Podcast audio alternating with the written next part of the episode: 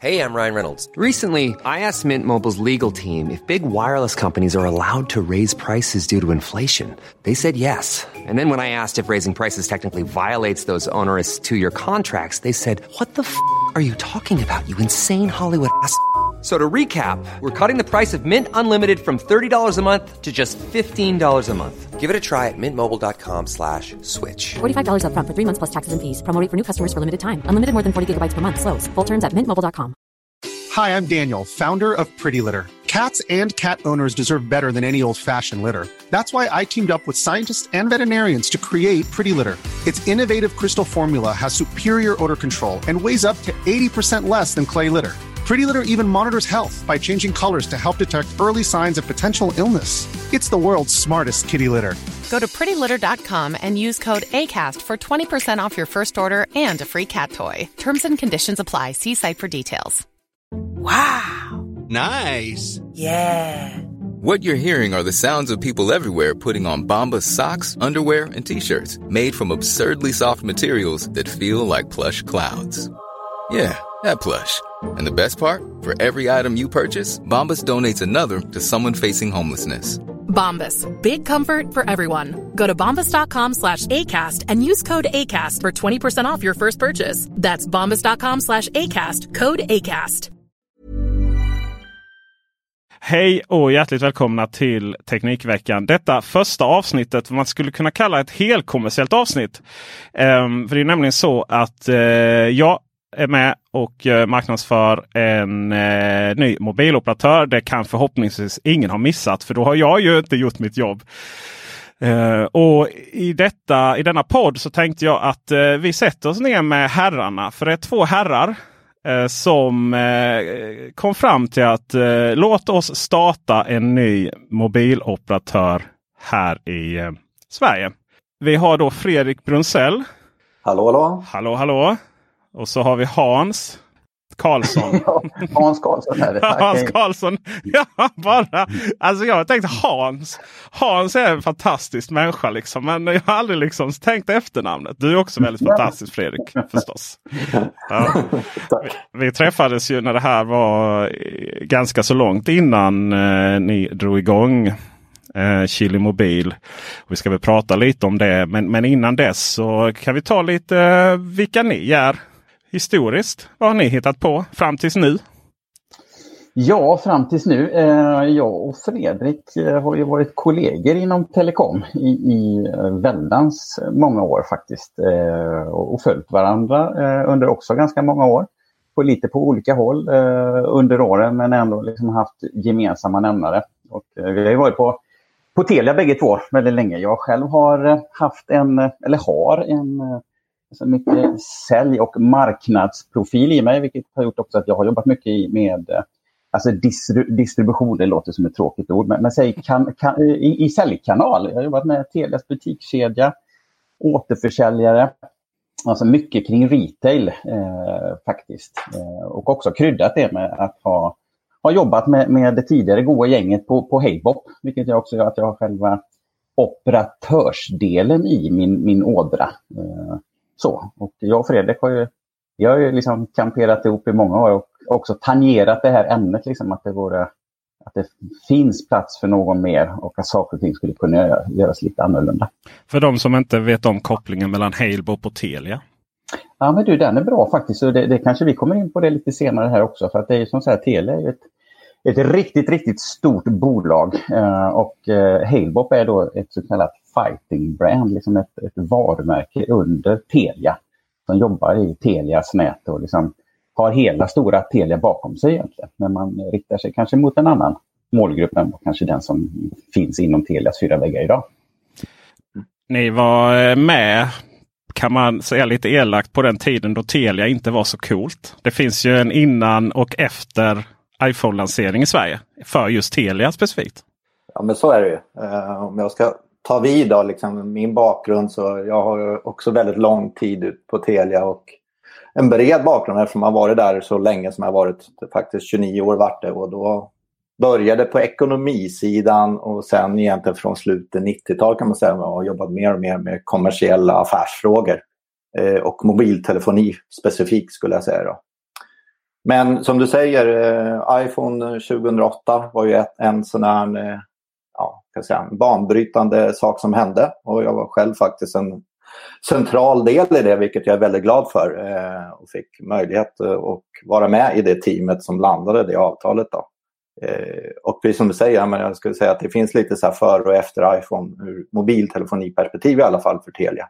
Vi nådde ju då när vi fick till eh, iPhone-avtalet faktiskt helt nya målgrupper som Telia inte nådde innan. Eh, som är de här lite, som du sa, coola men eh, kanske lite mer teknikintresserade early adopters som vill ligga långt fram så att säga. Och det var ju en banbrytande sak då, som jag hade förmånen att vara med på. Förstod ni innebörden av iPhone både för Telia som ju fick det eller tog kanske ordet eh, flera månader innan eh, övriga konkurrenter och eh, för telekombranschen i generellt sett. Satt ni där och liksom hade det som i vågskålen att om vi går med på de här avtalen eller vad nu förhandlingarna gick ut på. Jag kan tänka mig att det tecknades ett och annat NDA-avtal på den.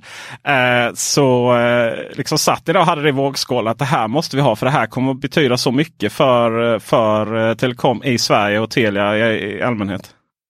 Ja, men jag kan väl ärligt säga så att det var väldigt delade meningar om den frågan. Både inom Telia och generellt i branschen skulle jag säga redan då. Ja, men det var många som lite grann skrattade åt Apple då och iPhone. Eh, det vet ni ju säkert ni som var med att det var så. Jag var ju eh, ohälsosam väl... Apple-fan så jag, jag såg ju det här långt innan då. Så kan man ju, kan man ju låtsas att man, att man hade rätt i det. Man har ju haft fel i mycket annat man har sett. Liksom. Så. Ja. ja. Nej, men vi var några stycken som trodde på det. Eller några, det var rätt många. Men det är som sagt inte på något sätt att alla var överens om att det här var extremt viktigt. Så det var väldigt mycket både internt jobb innan men också inte minst då och komma åt det så att säga. Och då kan man säga att det var ett kärnteam eh, där jag var en del. Men var, vi var några stycken som verkligen fick kämpa för att både så att säga internt få, få genomslag men inte minst för att liksom nå då Apple. För det är ju en speciell... Ja, det var inte helt lätt att komma åt dem om du förstår vad jag menar. Utan, för det var ju väldigt, väldigt få som var inblandade även från Apples håll. Du menar, för det är ju ofta så här man funderar på eh, till exempel när det, när det händer väldigt stora saker. Så som när Apple fick för sig att BankID inte var någon bra idé att ha i, i, i App, App Store. Då. Ja, många är vi nog som har funderat. Alltså, hur, hur får man kontakt? Hur tar man upp telefonnumret och, och, vem ringer man till? Liksom? Ringer man där till växeln i Cupertino och tja tja, I'm asking for Steve. Nästan faktiskt då, i vårt fall. Nästintill, säga. Och det var ju väldigt eh, både faktiskt telefonkontakter och försöka nå in. För som sagt i det fallet eh, Apple och inte minst i den tiden då var det ju väldigt få som sagt som på Apple som var inblandade. Och det var ju Steve och Tim och några till. Eh, det närmaste team.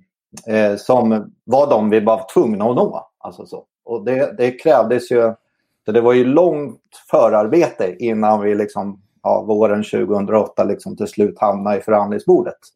Så det, det var ju ett eh, jobb eh, som, inte minst av vår faktiskt tredje eh, medgrundare Lars Mill som är norrman som kör Kilomobil i Norge. Han var ju också med. Och var, vi var, han var också med i det teamet.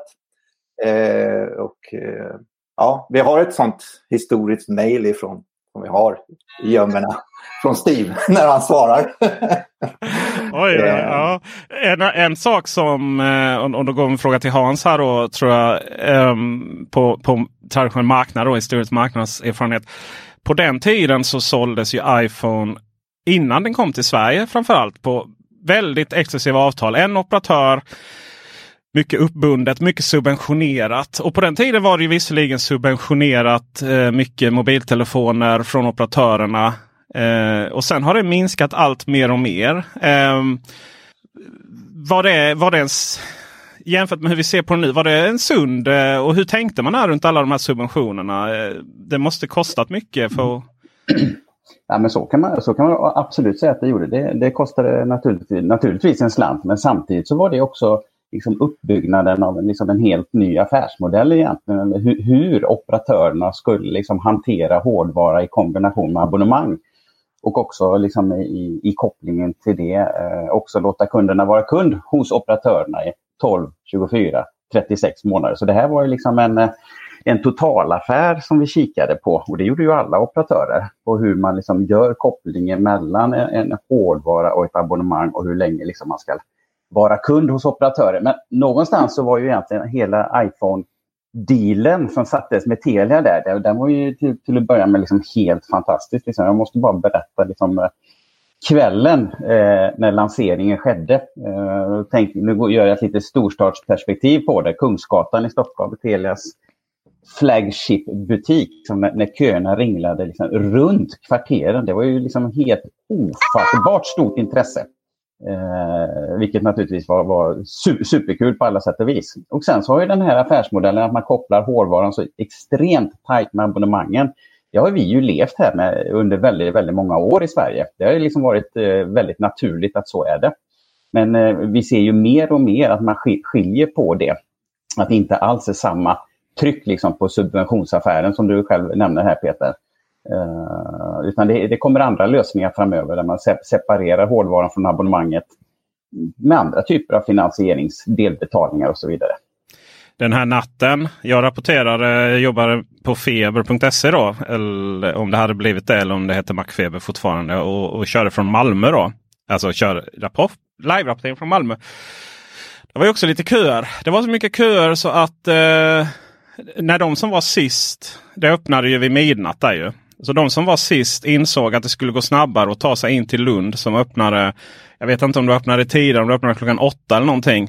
Um, än, än att stå kvar i kön då i, i Malmökön. Uh, det, det, givetvis havererade ju alla system också. Då.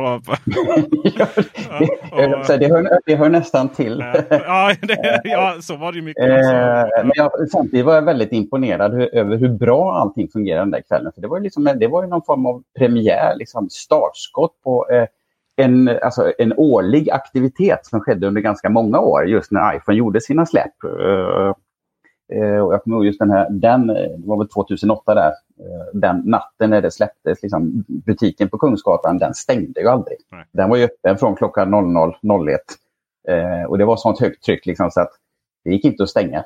Utan det var öppet hela, hela, hela natten, hela gryningen och hela morgontimmarna. Helt sjukt var det faktiskt. Sjukt. ja, det, man kan ju sakna den tiden faktiskt. Eh, och det blir ju liksom lite jobbigare eh, framöver tror jag att skapa den eh, typen av hype. Nu när det finns så många som likt Apple liksom ja, motsvarande spesar på andra lurar och så vidare. Så jag, jag vet inte riktigt om man kan se det framför sig att det blir samma typ av hype. Nej. I kommande släpp. Om jag ska bryta in lite grann och, och apropå din grundfråga där Peter om, om, om subventionsmodeller och affärsmodeller och sådana saker. Det är ju så också att jag menar, eh, det är olika faser i en marknad och i, i, en bransch. Och i, I det här fallet när vi pratar liksom mobiloperatörsdelen så har ju det varit en väldig tillväxtbransch i, alltså i antal kunder i väldigt många år. Och det är extremt, och det är ju det som har varit fördelen. Så där är ju styrkan med den subventionsmodellen då, som man har jobbat med traditionellt sett. Och, och det är ju eh, över tid sen när, när marknaden blir mättad utifrån volym så att säga. Att, eh, och den har ju levt kanske, om jag ska vara helt ärlig, lite för länge om jag ska vara krass. För det här innebär ju fortfarande egentligen att vi har... Det är klart att det där kostar ju pengar. Alltså att driva den typen av frågor. Och någonstans kommer ju pengarna in. Och, och, och det är väl det som är grejen, att man behöver ha olika affärsmodeller vid olika faser i en, i en bransch och i en marknad.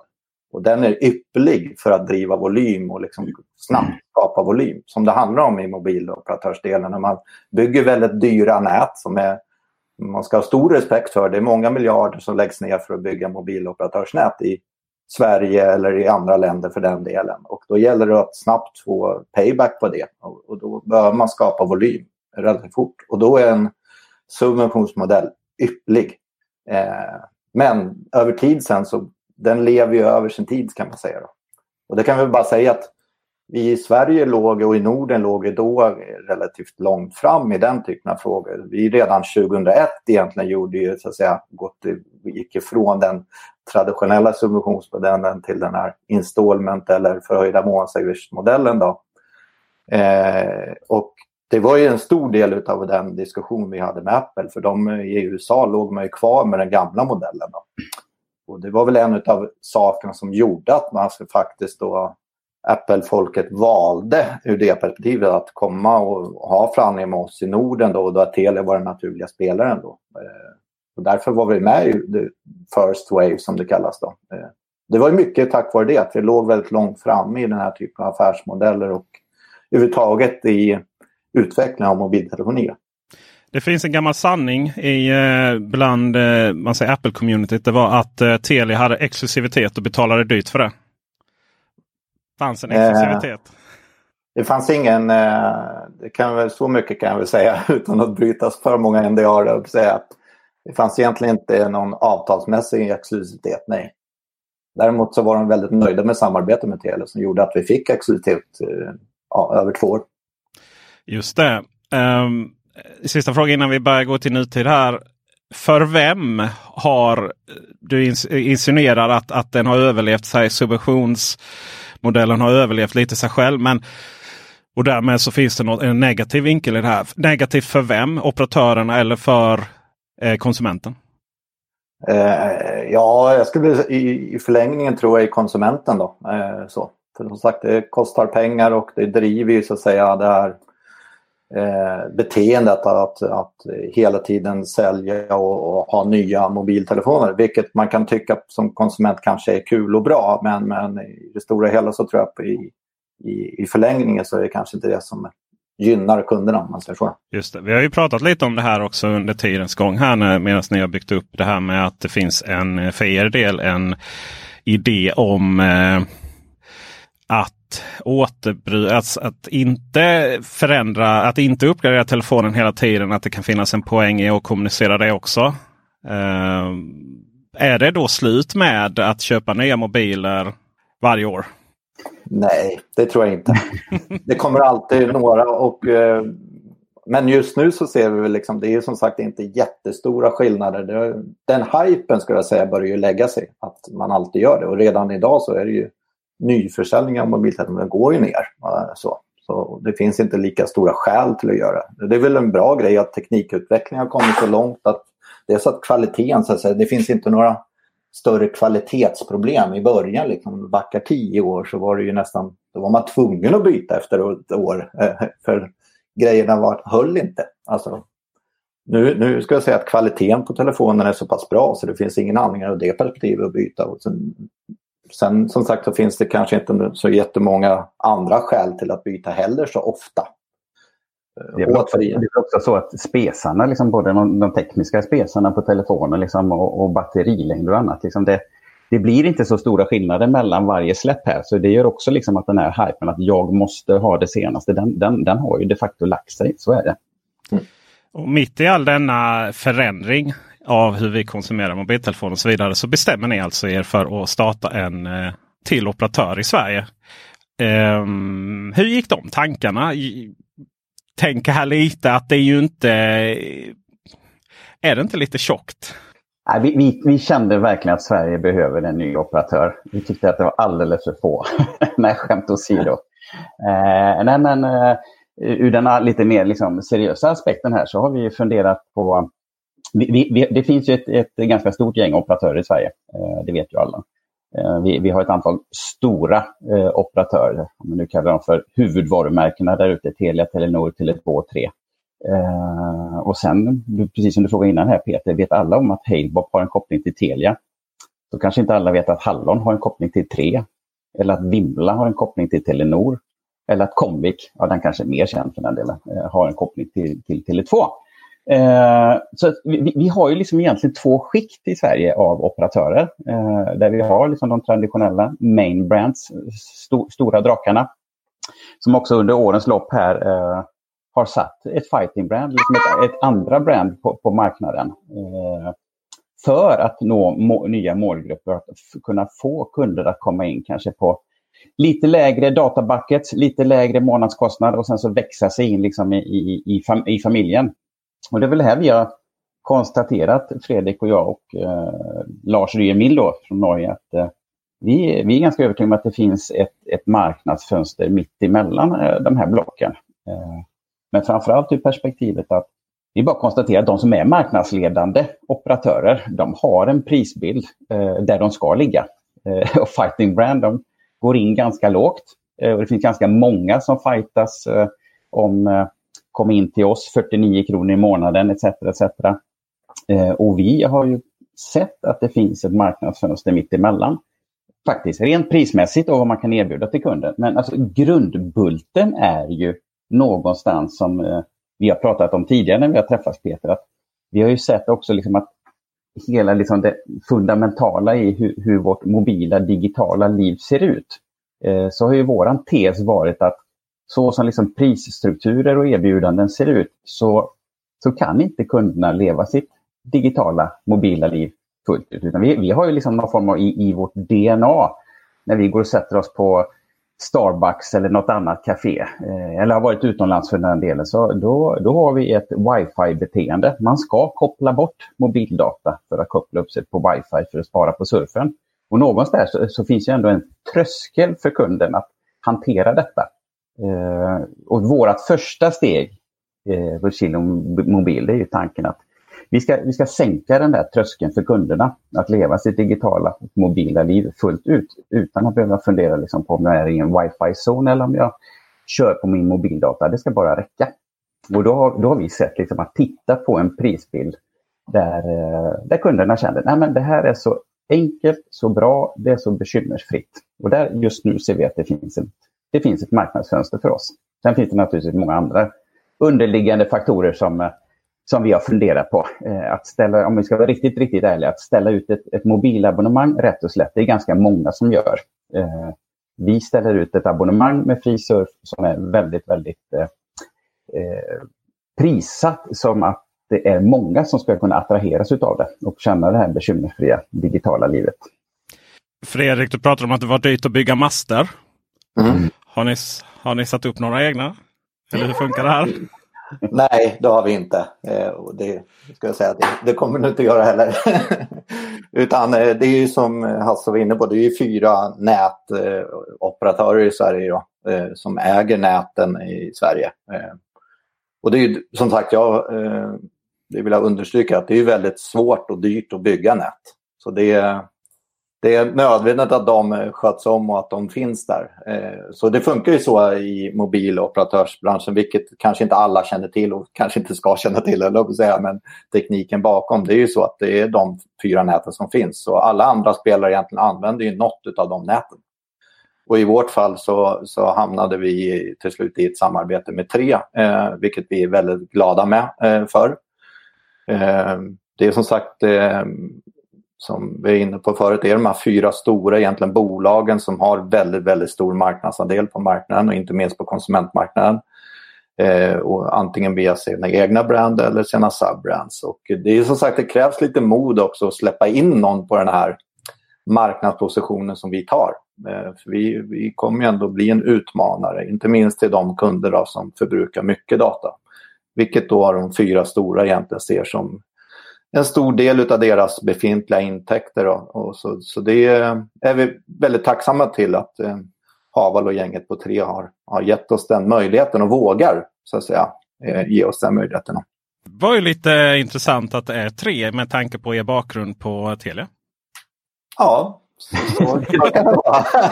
det har du helt rätt i Peter. Det är väldigt intressant.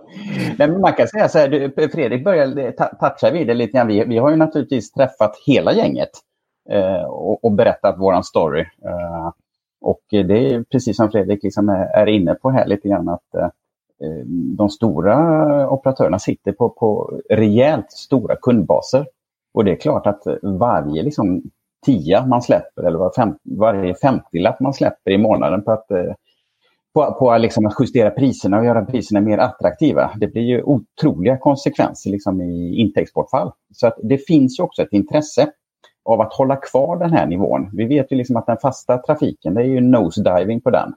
Den dör ju totalt. Eh, så att det, man måste hålla Eh, uppe sina intäkter. Det, eh, så är det. Eh, och naturligtvis framgent eh, framåt hitta nya intäktskällor. Men fram tills dess så kommer vi nog inte se några större jättedyk i alla fall från huvudvarumärkena. Och när vi då förklarade det, vår, vad våran liksom take på marknaden var och vårat insteg, hur det skulle se ut, så, så är det klart att några av dem kanske inte jublade och tyckte det kändes jätteroligt. Eh, jättebra diskussioner på alla ställen, men till slut så landade vi hos eh, tre eh, där vi hade samsyn på mycket eh, kring mobilitet i digitala livet och vad vi vill åstadkomma. Det, fanns bra beröringspunkter där. Är det bara en eh, intresse från de här fyra att eh, få in mer trafik och därmed lite mer pengar? Jag tänker ni delar delvis på intäkterna då ju. Eller finns det ett ansvar, eh, ett lagstadgat ansvar eh, där man är äter, där man äger eh, nätverk att faktiskt öppna upp dem för andra intressenter? Hiring for your small business? If you're not looking for professionals on LinkedIn, you're looking in the wrong place. That's like looking for your car keys in a fish tank. LinkedIn helps you hire professionals you can't find anywhere else, even those who aren't actively searching for a new job but might be open to the perfect role. In a given month, over 70% of LinkedIn users don't even visit other leading job sites. So start looking in the right place. With LinkedIn, you can hire professionals like a professional. Post your free job on linkedin.com slash people today. Hi, I'm Daniel, founder of Pretty Litter. Did you know cats tend to hide symptoms of sickness and pain? I learned this the hard way after losing my cat, Gingy. So I created Pretty Litter, a health monitoring litter that helps detect early signs of illness by changing colors, saving you money and potentially your cat's life. Pretty Litter is veterinarian developed, and it's the easiest way to keep tabs on your fur baby's health right at home. Go to prettylitter.com and use code ACAST for 20% off your first order and a free cat toy. Terms and conditions apply. See site for details. Since 2013, Bombas has donated over 100 million socks, underwear, and t shirts to those facing homelessness. If we counted those on air, this ad would last over 1,157 days. But if we counted the time it takes to make a donation possible, it would take just a few clicks. Because every time you make a purchase, Bombas donates an item to someone who needs it. Go to bombas.com slash ACAST and use code ACAST for 20% off your first purchase. That's bombas.com slash ACAST, code ACAST. Ja, alltså sä, säg så här att eh, alla operatörer är ju liksom öppna för att ta in MVNOer som det heter, alltså virtuella mobila operatörer. Eh, däremot kan ju prislappen för att komma in, eh, säg så här då, utan liksom att nämna liksom, eh, siffror, eh, kan vara så pass transparent att vi har ju fått erbjudande liksom från, från alla. Eh, men det kan ju också vara så att prislappen på den blir svaret på att man, man inte önskar att vi går i ett speciellt nät. Så kan man säga. Men, men det finns ju ingen reglering om det var det du var ute efter också Peter, alltså, som tvingar dem att öppna upp sig för, till exempel oss då, som, som så att säga, oberoende operatör eller virtuell operatör som det kallas. Då, utan det är helt kommersiella val egentligen. Då. Och där är det lite skillnad på olika länder hur man agerar. Då. Och, och eh, ja, man kan bara ta som ett exempel med Norge, vår, vår kollega, eller vår granne Eh, där den största operatören då är reglerad. Och det beror på också vilken position som är på marknaden. Men det, där, där har ju länderna också och, och juridiken lite olika setup i, i olika länder. Helt enkelt. Men i Sverige är det en ganska det perspektivet, alltså, mjuk reglering, det håller givetvis inte alla med om. Då, men, men eh, ur det perspektivet då, så finns det inget krav på dem att släppa in en sån som oss till exempel. Vad för Chili eh, mobil? Var, var kommer namnet ifrån? Ja, men det, var, det var faktiskt Norge som... Eh, när man startade upp i Norge för, för vad kan det nu bli då? Sju, sex, sju år sedan. Så, så tog man det varumärket helt enkelt. Jobbade fram en, ett varumärke och en logotyp och så har man kört på det. Och eh, alltså, vi har ju faktiskt fått frågan flera gånger, Fredrik och jag. Eh, varför tar ni chili? Ni kunde lika gärna hitta på någonting annat. Ja, det kanske vi kunde ha gjort. Men samtidigt så finns det liksom ett, i Norge ett eh, varumärkesigenkänning på det. Eh, och för liksom att liksom bredda skopet lite grann kring Chile Mobil så, så när vi kliver in i Sverige så, så känns det som att vi, vi, det finns ett varumärke redan uppbyggt där. Eh, och vi har så enormt mycket att vinna på att behålla och förädla och utveckla det mer. Så egentligen skulle man kunna säga så här, det hade inte spelat någon roll just nu på den svenska marknaden. För vi, vi är ju en underdog eh, som väldigt, väldigt få kommer att känna till och det är, ta, kommer att ta tid att skapa liksom en varumärkeskännedom för oss. Det är vi fullt medvetna om. Sen gillar vi, gillar vi chili. Alltså Ja, så, den, den står för styrka och liksom vara lite så lite jobbig i vissa perspektiv. Och liksom, så vi gillar den liknelsen också faktiskt, eh, måste jag säga. Ja, Jag vet inte om ni har tänkt på det, men just i mobilbranschen så är det ju ofta lite fruktigt. Hallon. Det finns en hel del sådana faktiskt. Ehm, det ligger en chili bakom dig där Fredrik, ser jag här. Mm, ja. Eh, är det hemmakontoret eller? Ja, nu är vi hemma. Ja. hemma. Och eh, oj, den var stor till och med. Ja, stark. ja, stark. Eh, väldigt så intressant perspektiv. För den blir väldigt liten, ligger där bak. Och Hans, du befinner dig också hemma. Jajamensan, absolut. Det är ju lite sådana tider. Det är ju lite sådana tider nu och då kommer ju den eh, kanske mest spännande frågan. Hur var det att gå in i detta? S- Eh, det, ni var ju väldigt nära lansering där precis när landet började stänga ner. Eh, möjlighet eller bara nej? Nej, men du, det- nej, men, det, är ju alltid, det finns alltid två sidor på myntet på något sätt. Eh, rent generellt kan man ju säga som så här att jag, jag kan vara rätt imponerad om man får vara lite sån då. Jag är rätt imponerad att vi faktiskt, vi tre som har liksom jobbat liksom med det operationella i Sverige, att sätta chili på marknaden. Vi har ju faktiskt det senaste kvartalet i princip inte träffat en enda gång. Utan vi har jobbat på distans och det fungerar alldeles, alldeles utmärkt. Det finns ju tillfällen naturligtvis när man skulle behöva liksom brainstorma och vara lite galna och lite crazy. Så, eh, men då, man, man får ju ta det digitala arbetssättet fullt ut och, och göra det. Eh, så att det är ju ur ett rent liksom, hur, hur vi har jobbat. Eh, du, du är inne på det också lite grann här. Eh, var det ett bra, är det ett bra läge liksom, att komma ut i, i coronatider? Den, den ena aspekten är ju att folk och kunder, alltså både privatkunder och företagskunder, har ju på bara två månaders tid utvecklat det, den digitala mötesplatsen eh, mer än vad vi gjort de senaste X åren faktiskt. Eh, och det har gått väldigt, väldigt fort. Och liksom konsumtionen av telekom och distansmöten och digitala möten, den har ju bara fullständigt exploderat. Eh, ur det perspektivet, fantastiskt. Det finns ett jättebehov av att kommunicera. Samtidigt så är vi ju i coronatider. Man, eh, många har liksom permitterats, många har fått gått från jobbet, många liksom vet inte vad som händer efter sommaren. Så att det finns ju en viss trend i marknaden att man ändå håller i det man har. Att man liksom inte är så jätteförändringsbenägen. Eh, utan man, det, det är lite grann, man sitter lugnt i båten och väntar lite grann, tar inte för stora beslut hit eller dit. Och det kan naturligtvis eh, på, påverka oss lite grann, så, så är det. Jag antar att eh, tiden får utvisa det lite mer kanske. Vi är mitt uppe i det trots allt. Ja, men så är det. Så är det. Man, man, man kan säga som så här att intresset är ju jättestort. Eh, för Kilomobil skulle jag våga påstå. Vi gick ju live här den 27 april. Och vi har ju haft ett, utan att nämna några siffror, liksom fantastiska besökssiffror på vår sajt. Eh, så att det finns ett jätteintresse. Och eh, Fredrik, när vi körde pressreleasen där på måndag morgon den 27 så vad hände då? vi fick ju ganska bra mottagande faktiskt.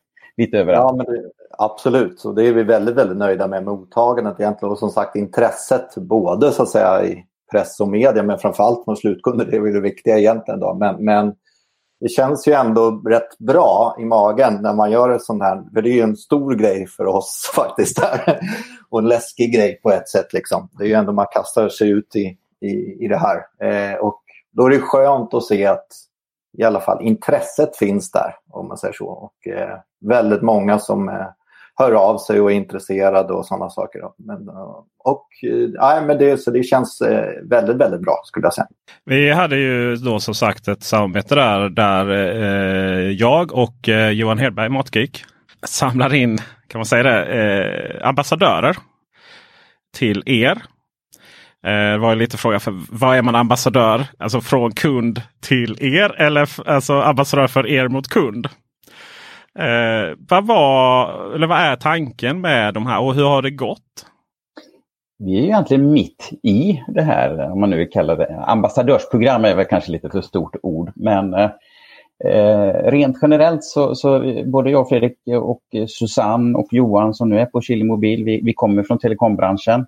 Eh, och även om man ty tycker att man kan mycket och har erfarenhet liksom att, att, hur vi ska bygga upp det här och hur vi ska göra saker och ting så finns det ingen annan sanning eh, i saker och ting än att få faktiskt kundernas reflektioner och feedback. Eh, så är det. Och även om vi har testat våra produkter, liksom eh, webben och hur tjänsterna funkar och alltihopa så ville vi höra kundernas åsikt. Och då fick vi, fick vi lite eh, drag, draghjälp av dig Peter och eh, Johan på Matgeek att eh, finna kunder som också under en månad kunde tänka sig att ställa upp och, och, bidra med feedback och återkoppling till oss. Det här gjorde ni fantastiskt bra, eller det här måste ni tänka om på. Eh, det här kändes krångligt. Eh, jag skulle vilja ha lite mer information om det. Eh, bekräftelsemejlet, si så. Gör så här med simkorten istället. Och där har vi fått väldigt bra feedback, eh, eh, tycker vi. Eh, högt och lågt egentligen. både på detaljer och på lite mer övergripande nivåer. Och, vi är ju nöjda so far. Det var en liten men naggande god grupp, runt 50 personer. Eh, och jag tror i och för sig storleken ur det perspektivet spelar heller ingen roll, utan vi har liksom en sammansatt grupp som har gett oss feedback, bra feedback. Och eh, gruppen som sådan eh, kommer vara aktiv till slutet av maj. Eh, och då kommer de också från, som tack eh, få fortsätta hos oss till ett, till ett väldigt attraktivt pris. Vad är produkten, eh, paketeringen som man kan ha en åsikt om? Du pratar lite bekräftelsemail och så vidare. Eh, vad, va, va är det som går att förändra i de här sammanhangen? Det finns ju teknik som jag kan tänka mig eh, har efterfrågats. Men som, inte, som jag har förstått det inte alltid är så lätt att implementera som en virtuell operatör. Nej, men det, det, är ju, det är ju allt. Det är ju helheten som är intressant ur ett kundperspektiv. Jag menar att simkort är ett simkort på ett sätt kan man ju tycka då. Men, men liksom bara det hur man får det, hur, hur lätt var det att förstå hur man ska göra. Det är olika kunder tänker på olika sätt. Det är redan i, näst, i tidigare steget, hur beställer man då abonnemanget? Alltså hur, hur ser den processen ut? Och det, där sitter ju vi säga, med händerna på ratten eh, väldigt tydligt. Då. Och jag kan väl säga liksom bara på de här ja, dryga tre veckorna vi har varit igång så har vi ju varit inne och skruvat utifrån de feedbacken vi har fått, bland annat från ambassadörskan, framförallt från ambassadörerna, på de här processerna. Alltså, det är väldigt mycket, det är den helhetsupplevelsen som är viktig för kund. Som sagt, och det är inte alltid liksom de här tunga teknikfrågorna som är det allra, allra viktigaste för att kunderna ska bli nöjda. Det är också någonting faktiskt vi har lärt oss genom åren. Alltså det, är, det är klart att det är viktigt att det, det ska bara funka skulle jag säga då, eh, när det gäller teknikgrejerna. Men det handlar ju om en helhetsupplevelse också för oss som... Och det tror jag, jag hoppas att ni och vi tillsammans kommer att få se ännu mer framöver. Vi har ju, det här är ju inte allt. Som sagt, vi har bara tagit steg ett här nu och lanserat vårt alltså, rena mobilabonnemang så att säga. Eller våra abonnemang. Men eh, det, det kommer ju mer liksom. Och eh, det, det, är väl det som är grejen. Det är en helhetsupplevelse som det handlar om väldigt mycket. Och vissa saker som sagt kan vi styra över helt själva och vissa är vi beroende av olika partners. Och det kan vi väl också säga att det är också en sak som vi har tagit väldigt tidigt vad ska jag säga, beslut eller så. Liksom att vår tanke är att vi ska jobba väldigt mycket med partners som är duktiga på det de gör. Eh, vi är duktiga på vissa saker men när det gäller, eh, för att kunna vara flexibla och snabbfotade och sådana saker så vill vi jobba med partners som är duktiga. Så, och det kommer vi både se fler utav och kanske vi byter ut och sådana saker. Det kommer att hända saker utifrån vad vi får för feedback också från, från kunder som sagt. Är det någon som har kört slut på sina obegränsat det är nästan, eh, nästan en terra så, så, så när som på en gig. Just det, så, nio, nio. Ja. Man, man, kan säga så här, det, det räcker ju eh, väldigt, väldigt länge. Uh, och vi, nej, vi har ingen som har kört slut på det. Nej. För det har ju varit uh, den feedback jag fick uh, såklart. När man sprider sånt här i väldigt tekniska ställen såsom Teknikbubblan där de nördigaste av nördarna. De kollar ju sånt direkt. Så här, Gå in där. Det här är inte obegränsat. Och i sak har de ju rätt. Men, eh, ja men eh, var, varför sätter man en gräns på det här sättet? Ja, dels handlar det om rent tekniska saker, att vi gör det. Men, men sen är det också så att och det är en bra dialog som kommer upp utifrån det perspektivet. Det finns ju... Jag menar, det är, en, det är en svår frågeställning på ett sätt då, att förklara vad som är obegränsat eller som vi uttrycker det, fri eller maxat.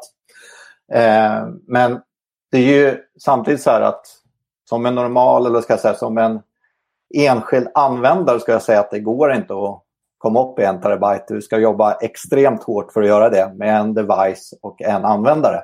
Så det är liksom en, ett perspektiv på det. Det är väl det som är lite så här, en utmaning alltid. Allt går ju liksom att, jag ska, säga, jag ska inte kalla det missbruka, men, men att man liksom hittar olika sätt att nyttja olika saker. Eh, och tanken är ju med våra abonnemang är ju till individer. Och liksom så är, är du en individ och har en device så ska jag säga att då, då får du jobba hårt för att komma upp i den terabyten per månad. eh, och det är väl det som är grejen. Det är ju allt, men det är ju en perceptionsfråga också. Eh, så. Och det, den, det kommer vi få jobba med i, i, framåt och hitta liksom hur vi kommunicerar på ett tydligt sätt. För det, det kan vi också säga att det är en av våra grejer. Vi vill vara extremt transparenta. Och det är jobbigt ibland att vara transparent. Eh, så därför är vi extremt transparenta med just den här frågan till exempel. Eh, alla andra operatörer har sådana gränser också men de är inte alltid helt öppna med dem. Så, eh, så, så det är väl liksom en grej. Det är lite jobbigt att vara transparent ibland. Och då kommer den här dialogen upp och det är dialogen som är viktig då. Liksom. Det är lite som autobahn. Det är fri fart fast det är inte så fri fart så att du har rätt i att vara fara för någon annans liv så att säga. Lite grann så faktiskt också. Det är faktiskt också en lite så här, man ska komma ihåg det att eh, liksom, nät och radiovågor är ju naturresurser. naturresurs. Det är en begränsad resurs. Så det är ju så att eh, är det en som så att säga tokkör på autobahn så kan du ju störa andra. Och det är precis samma sak som det är här i, i nätet faktiskt. Och det, är väl, det finns en rättvisefråga i det också kan man säga, eh, ur det perspektivet. Lite framtid då? Vi är på väg in i eh, betydligt eh, fler och tjockare radiovågor och eh, vi ska se med högre densitet också här om några år. jag pratar 5G. Och man pratar ju 5G som om att detta är lösningen på alla problem nästan. hur, för idag är det ju som du säger ett abonnemang, en, en device, en enhet. och så finns, kan man ju dela ut det om man behöver kolla sin mail på datorn och lite sånt. Det finns ju vissa. Jag såg en, en, eh, en annan hade begränsat det genom att du absolut inte får starta internetdelning. Eh, ens till liksom sin, sin eh, om man behöver kolla mejlen fem, fem minuter eller sådär. Eh, det är ju ett sätt att begränsa det på. Men eh, sådana här saker Eh, det, det, känns ju som en, en, ganska så, ska vi säga det, ganska specifika detaljfrågor i en värld där vi pratar om att mobilnäten kommer, alla enheter kommer vara uppkopplade eh, direkt mot nätet. Eh, självkörande bilar, vi kommer, alltså precis allting. Och, och, här, här står vi och pratar för närvarande om en, ett simkort, en device. Så att säga, Va, hur ser framtiden ut för er? Och jag tycker kanske branschen som helhet? Det är en jättebra fråga. Den som vet det, den är ju vinnare. Ja, framtiden är alltid spännande. Ja. ja.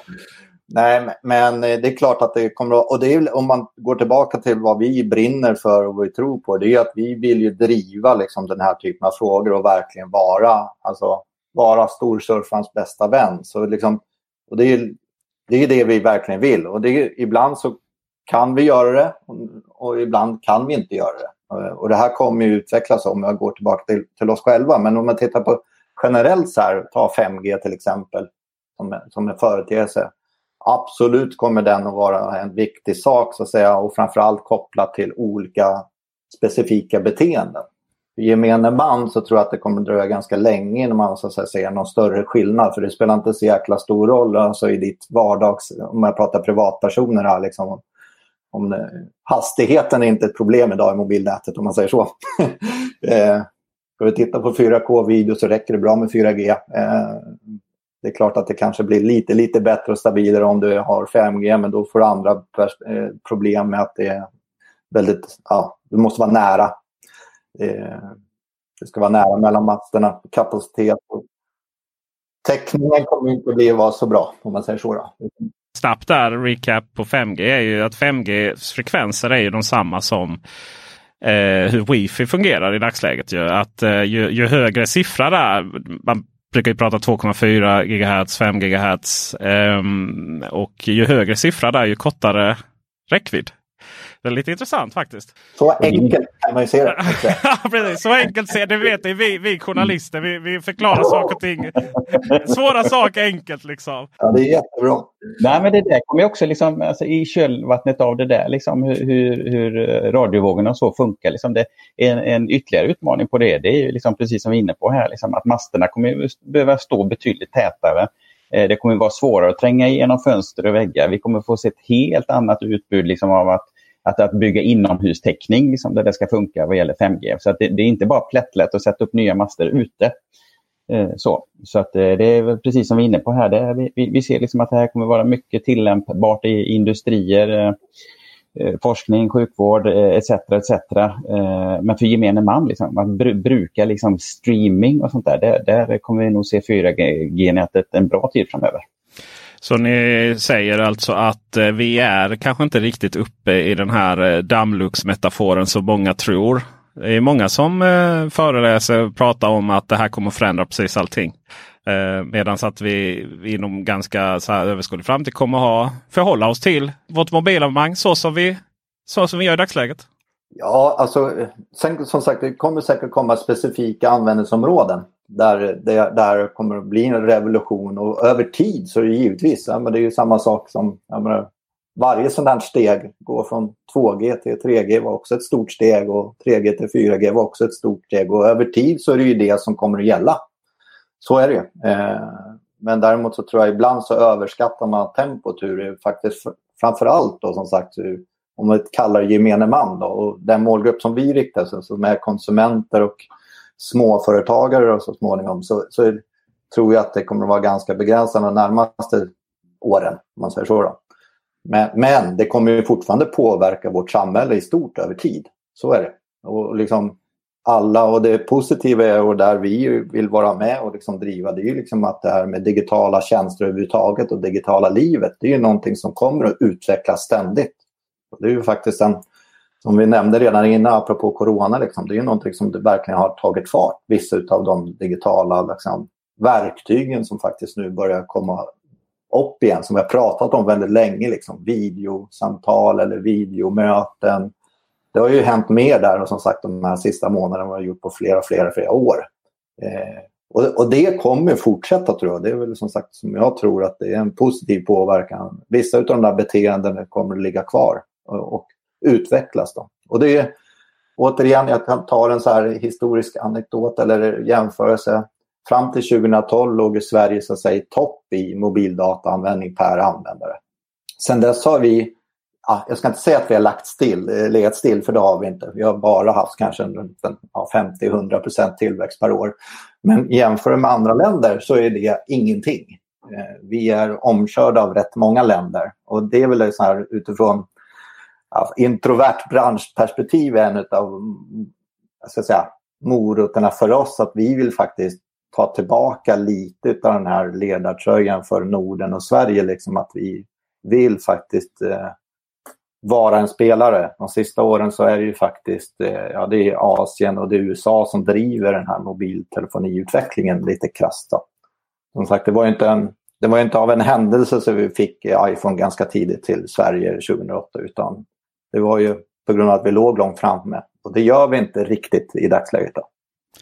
Hans, om två år. Du ska också svara på det här Fredrik.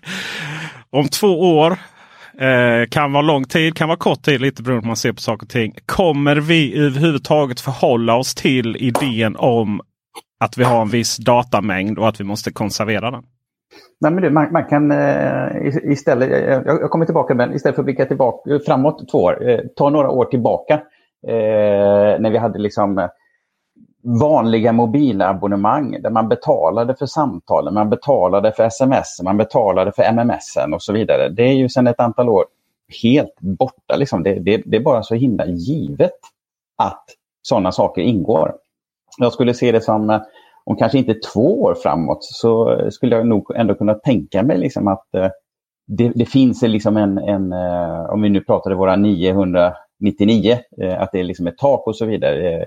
Framgent, om det är två år eller tre år Peter, jag har inte en aning. Men jag ser liksom att det är verkligen fritt på riktigt. Vi är liksom en, det, du betalar ett pris, all you can eat. Så det vore konstigt om den utvecklingen som vi har sett på samtal, sms och mms inte hänger med liksom, i datamängd. Fredrik? Jag håller helt med. Jag tror att det kommer att vara en icke-fråga så att säga när det gäller den delen. Och det här är, ur det perspektivet så blir så att säga eh, det här en commodity-produkt eh, så, som bara ska finnas där. Och det, det handlar snarare om eh, så att, säga, att kunderna också ska uppskatta det, om jag uttrycker mig så. Och att man har bra digitala verktyg som gör att de kan leva det digitala livet som de verkligen behöver göra. Då. Så, så det, för det handlar ju liksom om att återigen, man måste ge kunden en helhetsupplevelse snarare och liksom hjälpa dem att leva det liv de vill leva. Eh, så, utifrån, utifrån det här snäva branschperspektivet då, när det gäller eh, mobildata och, och digitala livet. Om man eh, vill hänga på det här. Då är Välkommen. det, bara, ja, då är det chilimobil.se. That's right. Ja, svårare än right. inte. Och sen så, så kommer det hem ett simkort på posten. Har det en chili på sig? Både det och att det ligger chilifrön i påsen. Oj, oj, oj. I en liten påse. Ja, så man liksom har lite att göra, liksom pyssla med här under våren, sommaren liksom, och driva upp sin egen chiliplanta. Det är faktiskt så att eh, jag har inte fått den fröpåsen. Eh, men jag har faktiskt eh, planterat en chili. Eh, och det är väldigt intressant att se det växa. Det är, jag visste inte att det först skulle bli lila för att kunna bli orange till att kunna bli röd. Det är som ett litet liv som växer upp där under några månader. Vi tackar Fredrik Brunzell och Hans Karlsson för detta. Even on a budget Quality is non-negotiable. That's why Quince is the place to score high-end essentials at 50 to 80% less than similar brands. Get your hands on buttery soft cashmere sweaters from just 60 bucks, Italian leather jackets, and so much more. And the best part about Quince, they exclusively partner with factories committed to safe, ethical, and responsible manufacturing. Elevate your style without the elevated price tag with Quince. Go to quince.com slash upgrade for free shipping and 365-day returns. Hi, I'm Daniel, founder of Pretty Litter. Did you know cats tend to hide symptoms of sickness and pain? I learned this the hard way after losing my cat, Gingy. So I created Pretty Litter, a health monitoring litter that helps detect early signs of illness by changing colors, saving you money and potentially your cat's life. Pretty Litter is veterinarian developed, and it's the easiest way to keep tabs on your fur baby's health right at home. Go to prettylitter.com and use code ACAST for 20% off your first order and a free cat toy. Terms and conditions apply. See site for details. When you need mealtime inspiration, it's worth shopping Kroger, where you'll find over 30,000 mouthwatering choices that excite your inner foodie. And no matter what tasty choice you make, you'll enjoy our everyday low prices, plus extra ways to save, like digital coupons worth over $600 each week. You can also save up to $1 off per gallon at the pump with fuel points. More savings and more inspiring flavors make shopping Kroger worth it every time. Kroger, fresh for everyone. Fuel restrictions apply.